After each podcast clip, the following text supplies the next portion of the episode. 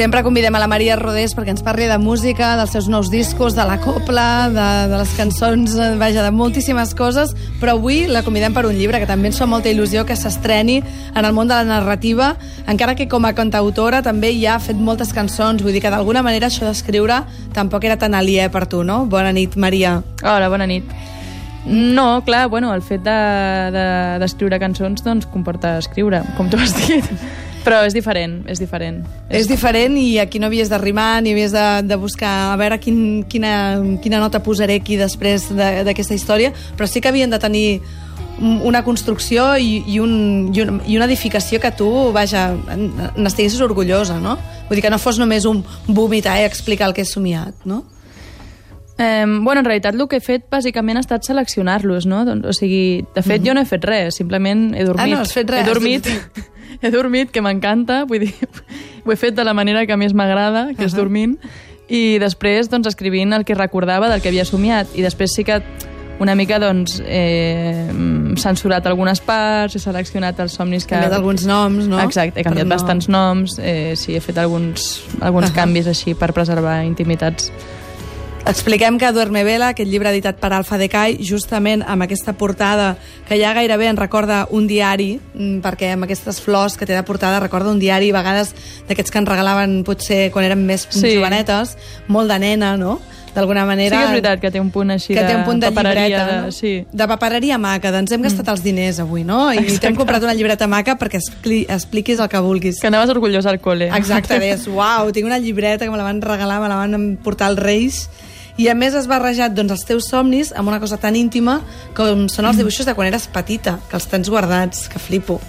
Sí, bueno, això jo flipo amb ma mare, perquè ma mare tampoc és una persona especialment detallista, així de, però els meus, els meus dibuixos sí que els té mhm. guardats. De fet, els meus germans estan gelosos perquè, perquè diuen, els seus no els han guardat. Sí? Oh, això és un drama. És molt injust. No sé si és que dibuixava millor, que no crec, o no sé, mira, que sense voler els va, els va guardar. Algun canvi de casa, algun, alguna història que es va perdre, es van perdre els També anteriors. Cert, i... sí, sí, com ara vivíem a Cabrera i els meus germans van... Ho ser... estic fent per defensar, eh, la teva mare, que si ens estàs sentint... és possible que fos per això, sí. Portada el llibret en flors i un punt també com de dietari, és, perquè encara que sigui un dietari de somnis, sí que d'alguna manera expliques el món oníric de la Maria Rodés, el que el món que tens dins, que també s'assembla molt en quan agafem allò un diari i, diu, i dius, què dius de diari? Voy a explicar-te mi vida, no? Però en aquest cas estàs mi vida explicant onírica. una cosa molt íntima que, que són els teus somnis i que jo et deia abans aquí a, a micro tancat en plan, ei, xapó, perquè, ostres, a mi em faria una mica de vergonya explicar segons què, no? Bueno, sí, és que és el que tu dius, no? També té un, evidentment el que hi ha és molt autèntic perquè és com l'esperit és molt genuí i és, uh -huh. és el que somia una persona però està com disfressat per les mentides de...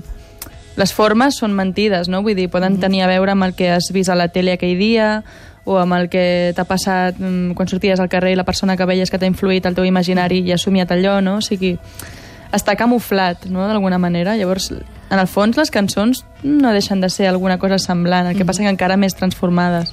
I són purs somnis? Eh, és a dir, ens hem de creure que són purs somnis de, de la Maria Rodés un per un? O els has anat també treballant com a peces literàries? De dir, oh, aquesta frase no m'acaba d'agradar, això no canviaré, això no ho vaig acabar de somiar, però escolta, li faig aquí un arreglo. Algun arreglo jo sí que he fet, sí. O sigui, molt poc, intentat mm -hmm. que, fos, que fos això, una escriptura molt... Bueno, com has, com has vist, que és molt senzilla, molt... Mm -hmm. Eh, molt escueta, no? Vull dir, és quasi com esquemàtica però sí que alguna coseta doncs, l'he afegit, sí. També hi ha moments en què mm, ens agradaria saber més el que no expliques que el que expliques, perquè amb aquest punt que deies tan telegràfic, no? A mm. moments és com que el qui llegeix intueix coses, munta pel·lícules, més encara. Bueno, clar, cadascú ho fica de la seva part, no? I mm. omple els forats amb lo seu, això allà. Això aquí ja no hi entres, no? Una mica com amb les mm. cançons, quan escrius cançons, no? Sí, que tu exacte. parles de he perdut un llapis i potser l'altre és he perdut el nòvio, no? Clar, quan més ambigu és el llenguatge, més, uh mhm. -huh. més marge dones a l'altre perquè uh mhm. -huh. s'ho faci seu, també. Quan tenies el grup oníric, també pel, pel títol eh, del grup, els somnis també era una cosa que estava molt present. De fet, parles aquí d'un primer somni d'Iglu Girl, que va sí. acabar sent una cançó. Sí, bueno, és el primer somni que recordo, que és el primer somni que em va inspirar per fer una cançó, que era que jo anava a, no sé on, anava a un, a un lloc amb neu i em trobava un iglú i a l'iglú trobava una nena molt maca i me la, me la volia endur a casa, me la volia endur a, a Cabrera. Llavors la portava amb mi al tren, a la Renfe, tal, per tornar a casa. I. I llavors, mentre anava, no es desfeia, però mentre anava al tren deia, ostres, és que jo no puc ser mare, no? En aquella, aleshores tenia 17 anys, i com, bueno... Ho mm, faré fatal. no, ho faré fatal. Se'm descongelarà la nena abans d'arribar a. Cabrera. A Cabrera no hi ha, no hi ha neu, la, se sentirà. I, I res, llavors, quan em vaig despertar, li vaig fer una cançó a la nena com demanant-li disculpes, no?, per haver-la tret del seu, del seu lloc i després abandonar-la. I, recordo aquest moment com, sí, un moment estrany. De fet, eh, hem llegit que tot això va començar per una mica de crisi de, de... Vaja, que no sabies molt bé què fer amb les lletres, que estaves en un moment de crisi creativa amb les lletres i deies "És que sempre acabaré parlant del mateix, necessito material nou. I en lloc de robar-li a la pantoja, que és el que fa la Què he gent... fet ara? Eh? El que he fet va, després. doncs va, el que has fet després, amb la Jurado, eh? vas i eh, dius, vaig a rebuscar dins meu, no? Sí, bueno, exactament això. Volia material fresc. Volia algú que no, no, que no hagués passat com pel, Pel filtro. pel filtre mental. Uh -huh. I, I vaig començar, de fet, fent això de l'escriptura automàtica. No sé si ho has fet Sí. algun cop, però és molt xulo també. Sobretot si estàs borratxo. Sí. si estàs borratxo, és molt efectiu. que és escriure bàsicament sense pensar en Ahà. el que estàs escrivint i molt ràpid, fins que et faci mal la mà. Llavors comencen a sortir coses interessants. Llavors vaig pensar, ostres, el que surt del, de l'inconscient, del que no processo, és, és molt més xulo que, que l'altre, no? I llavors Doncs ja vaig. A començar a, dormir. investigar. A dormir. A dormir. Investigar. Què millor que dormir. Exacte, i va sortir Duerme bé, aquest llibre editat per Alfa Decay. Ya lo creo.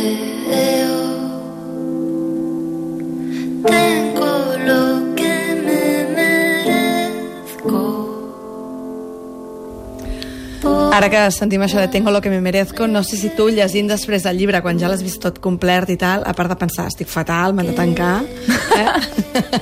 perquè, escolta, Això ja ho sabia. el Joan Colomo el veu com un nen petit, per exemple, i l'agafa en braços, li diu, faràs molt bones cançons. La Maria assumia aquest tipus de coses, eh? Això és molt fortes. Aquest és molt bonic. És molt, és molt bonic, però, però al mateix temps m'imaginava el Colomo, saps, amb el seu Amb també. amb bebè, i feia molta por pensar-ho. Surt, I el Jordi Tos, no sé si el vas conèixer, el binari, Sí, que també tocava amb ell i surt d'adolescent com a l'institut, no? Com a l'institut, prenent sí, algo i tal, I en també bar, li dic, no? tranquil, que faràs discos xulos. Que faràs grans coses. Sí, i el, i el Colomo també. Tranquil, que pots estar tranquil, que faràs cançons molt bones. Però clar, ara, un cop hagi sortit Duerme Vela i la comenci, el comenci a llegir gent, mm. jo m'imagino les bromes als bars, la gent dient de hola, tal, a veure què somies aquesta nit, etc. Suposo que els col·legues ja han començat una mica a fer-ho, però, però no sé si tu també t'ha servit una mica quan els llegeixes, igual que llegeixes un diari, una mica per analitzar-te o per pensar, o, o has volgut només escriure-ho i deixar-ho allà? Bueno, són somnis, de fet, la majoria són de fa uns, uns no gaire, però fa 3 o 4 anys, Mm -hmm. i ara que els llegeixo en pers- en perspectiva i un darrere de l'altre, sí que te n'adones que no deixa de ser com una autobiografia, amb elements surrealistes, perquè, clar, l'inconscient don- dona molt de sí, però a nivell d'interpretar, doncs, més que res te n'adones, no?, del valor que té la gent per tu, de, dels conflictes que has tingut, dels desitjos que has tingut, de lo que has perseguit, de lo que no. Mm. Vaja, i això també s'ha vist reflexat a les cançons, reflectit perquè ara en sentíem algunes. Jo crec del Senyor Triangular, per exemple, era molt aquest esperit del Duerme Vela, no? també per, no, no només per les lletres, sinó també la textura que té el disco. Per exemple, que amb altres, amb els discos anteriors, eren molt més com de Més tocar de peus a terrenals, terra, no? sí. No cal dir-ho amb convergència. No, totalment. Totalment a terra. No sé, jo, jo crec que ja és el pol... Es, es junten els dos extrems. Però bueno, De eh, sí, sí, de fet, o sigui, van a l'hora, quan, just quan Mhm. estava fent Senyor Triangular, doncs estava també entrant en aquesta aventura d'escriure els somnis, i vaig dir, això d'alguna manera s'ha de lligar, no? Perquè són dos grans coses per mi que estic fent ara, i, i a Sueño Triangular, a part d'agafar metàfores dels somnis o algunes mm, agafar Mhm. doncs, petites situacions, eh, sobretot el que m'interessava era com traslladar el, aquest punt eclèctic dels somnis, aquests canvis d'ambients radicals, el, una mica la volubilitat del somni, la, aquesta Mhm. cosa etèria. D'algú que s'escapa, no? D'algú que s'escapa, sí, que és com fràgil i que, i que modula i se'n va.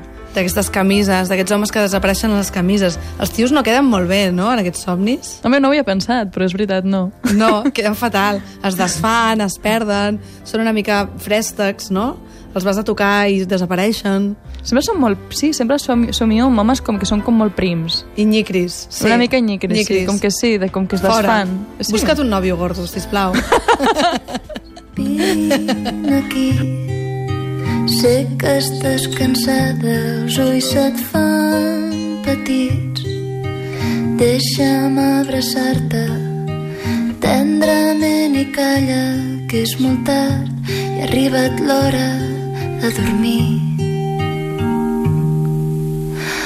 Posa el cap a la meva falda i Pels nois amb panxa, eh? Dedicar, Sí. pels nois amb panxa, que falten els somnis de les roders, que són tots així, tenen un punt cadavèric, un punt com que s'han de trencar. Hi ha moments eh, molt divertits, abans comentàvem el, el tema del, del, del Joan Colomo, també hi ha moments que ens fan riure, no? Quan pensem el Joan Colomo convertit en un bebè, o quan pensem també la Fanny Roth, per exemple, que va ser companya teva de pis, també és protagonista en alguns somnis. Bueno, la Fanny Roth de, va ser companya de pis als somnis. A la Ah, vida sí? real, no. Ah, no? Ah, pensava que sí, jo A la vida real va tot. ser més companya musical, però...